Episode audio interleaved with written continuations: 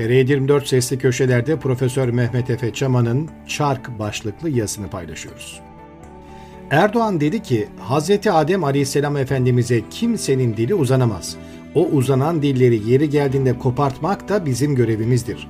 Havva validemize kimsenin eli uzanamaz.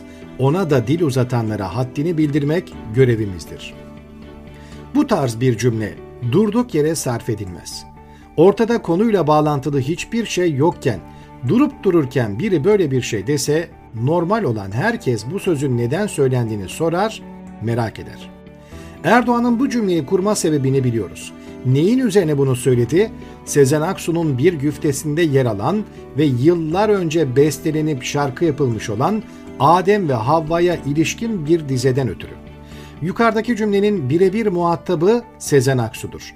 Yani Sezen Aksu'nun kendisi de dahil milyonlarca insan Erdoğan'ın cümlesini gayet iyi anladı. Adresin kim olduğunu gayet net olarak anladı ve bundan dolayı da Sezen Aksu'nun yanında yer aldı, ona destek verdi. Aynı milyonlar Erdoğan'ı da kurduğu bu cümleden dolayı eleştirdi. Ben de bir önceki yazımı Erdoğan'a açık mektup olarak kaleme aldım. Ben de milyonlarca normal insan gibi Erdoğan'ın o nefret kusan söylemini eleştirdim. Dil kopartma gibi vahşi bir dilin Türkiye Cumhuriyeti'nin Cumhurbaşkanı olan zat tarafından kullanılmasındaki tehlikelere işaret ettim. Bu retoriğin İslamcı barbar bir söylem olduğunu, IŞİD ve El-Kaide gibi canavar İslamcı terör örgütlerinin diskuru olduğunu izah ettim. Erdoğan'ın nefret kusan söyleminin mevcut 1982 Anayasasına göre birçok madde bakımından kurulan cümlelerin suç teşkil ettiğini vurguladım. Şimdi Erdoğan çark etti. Ne diyor?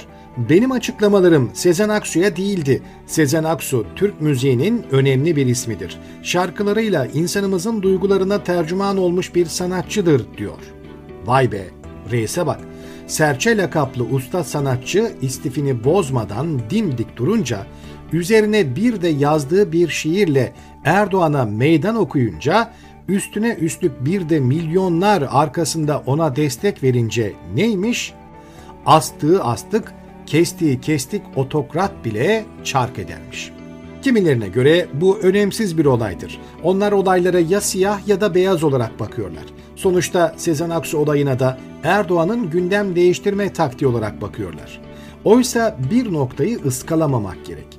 Moral, ahlaki üstünlük kaba kuvvetten daha güçlüdür.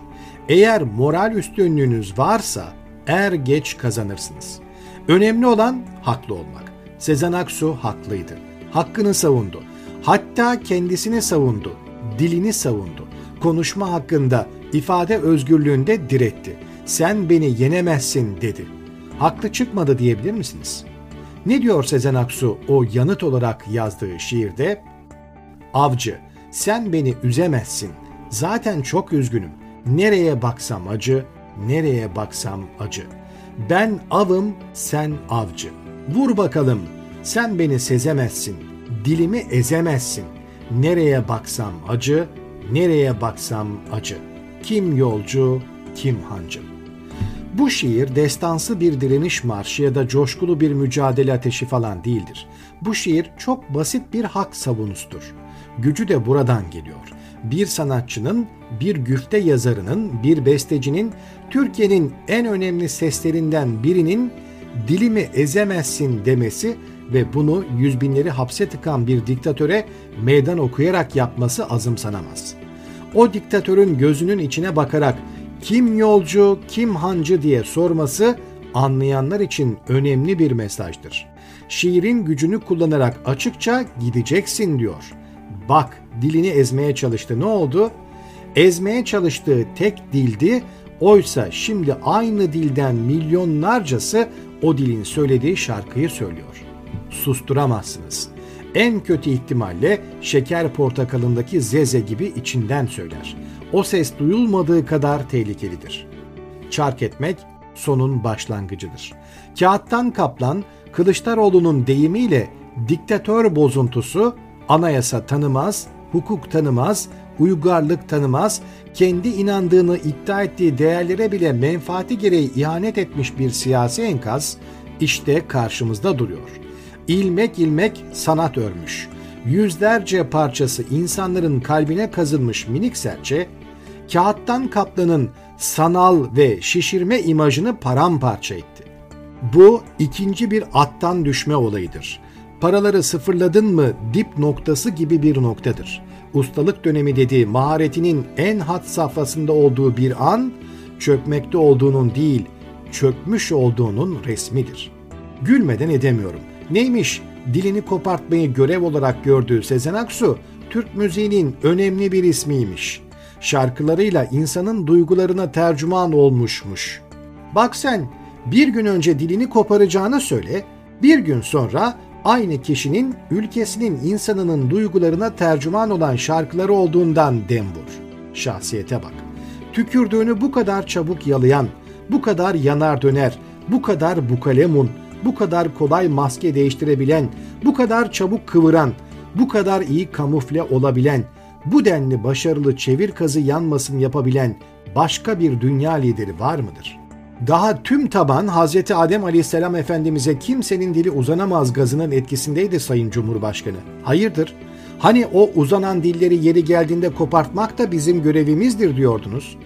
Bu dediğiniz vahşete çağrılara saflarınızdan bir sürü elemanınız metiyeler düzüyordu. Hava gayet iyiydi. İslamcılığın en nadide hamlelerinden birini yapmıştınız. Ne oldu da bu cihatçı söylemleri bırakıp müşfik cumhurbaşkanı rolüne ışık hızında ricat ettiniz? Ne iş? Ortada bir parodi var. Bir vodvil bu. Peder Bey'in hocası sevgili Haldun abinin meşhur ve efsane oyunu hisseli harikalar kumpanyası halt etmiş adeta. O halde buraya bırakayım. Bu kumpanyayla mukayese edersiniz diye. Güfte sevgili Çiğdem Talun'un. Beste ise Melih Kibar'ındı. Sayın bayanlar baylar, konuklar vatandaşlar. Duyduk duymadık demeyin. Başlıyor numaralar. En son moda şarkılar, en ünlü sanatçılar, korkusuz akrobatlar, daha neler neler var. Hisseli Harikalar Kumpanyası açıyor perdesini, açıyor. Harikalar dünyası burası. Herkese neşe saçıyor. Vodvillerde hem komedi hem de dram olur. Gülerken ağlar, ağlarken gülersiniz. Oyunun sonu çok acıklı olacak. Perde denilecek az kaldı.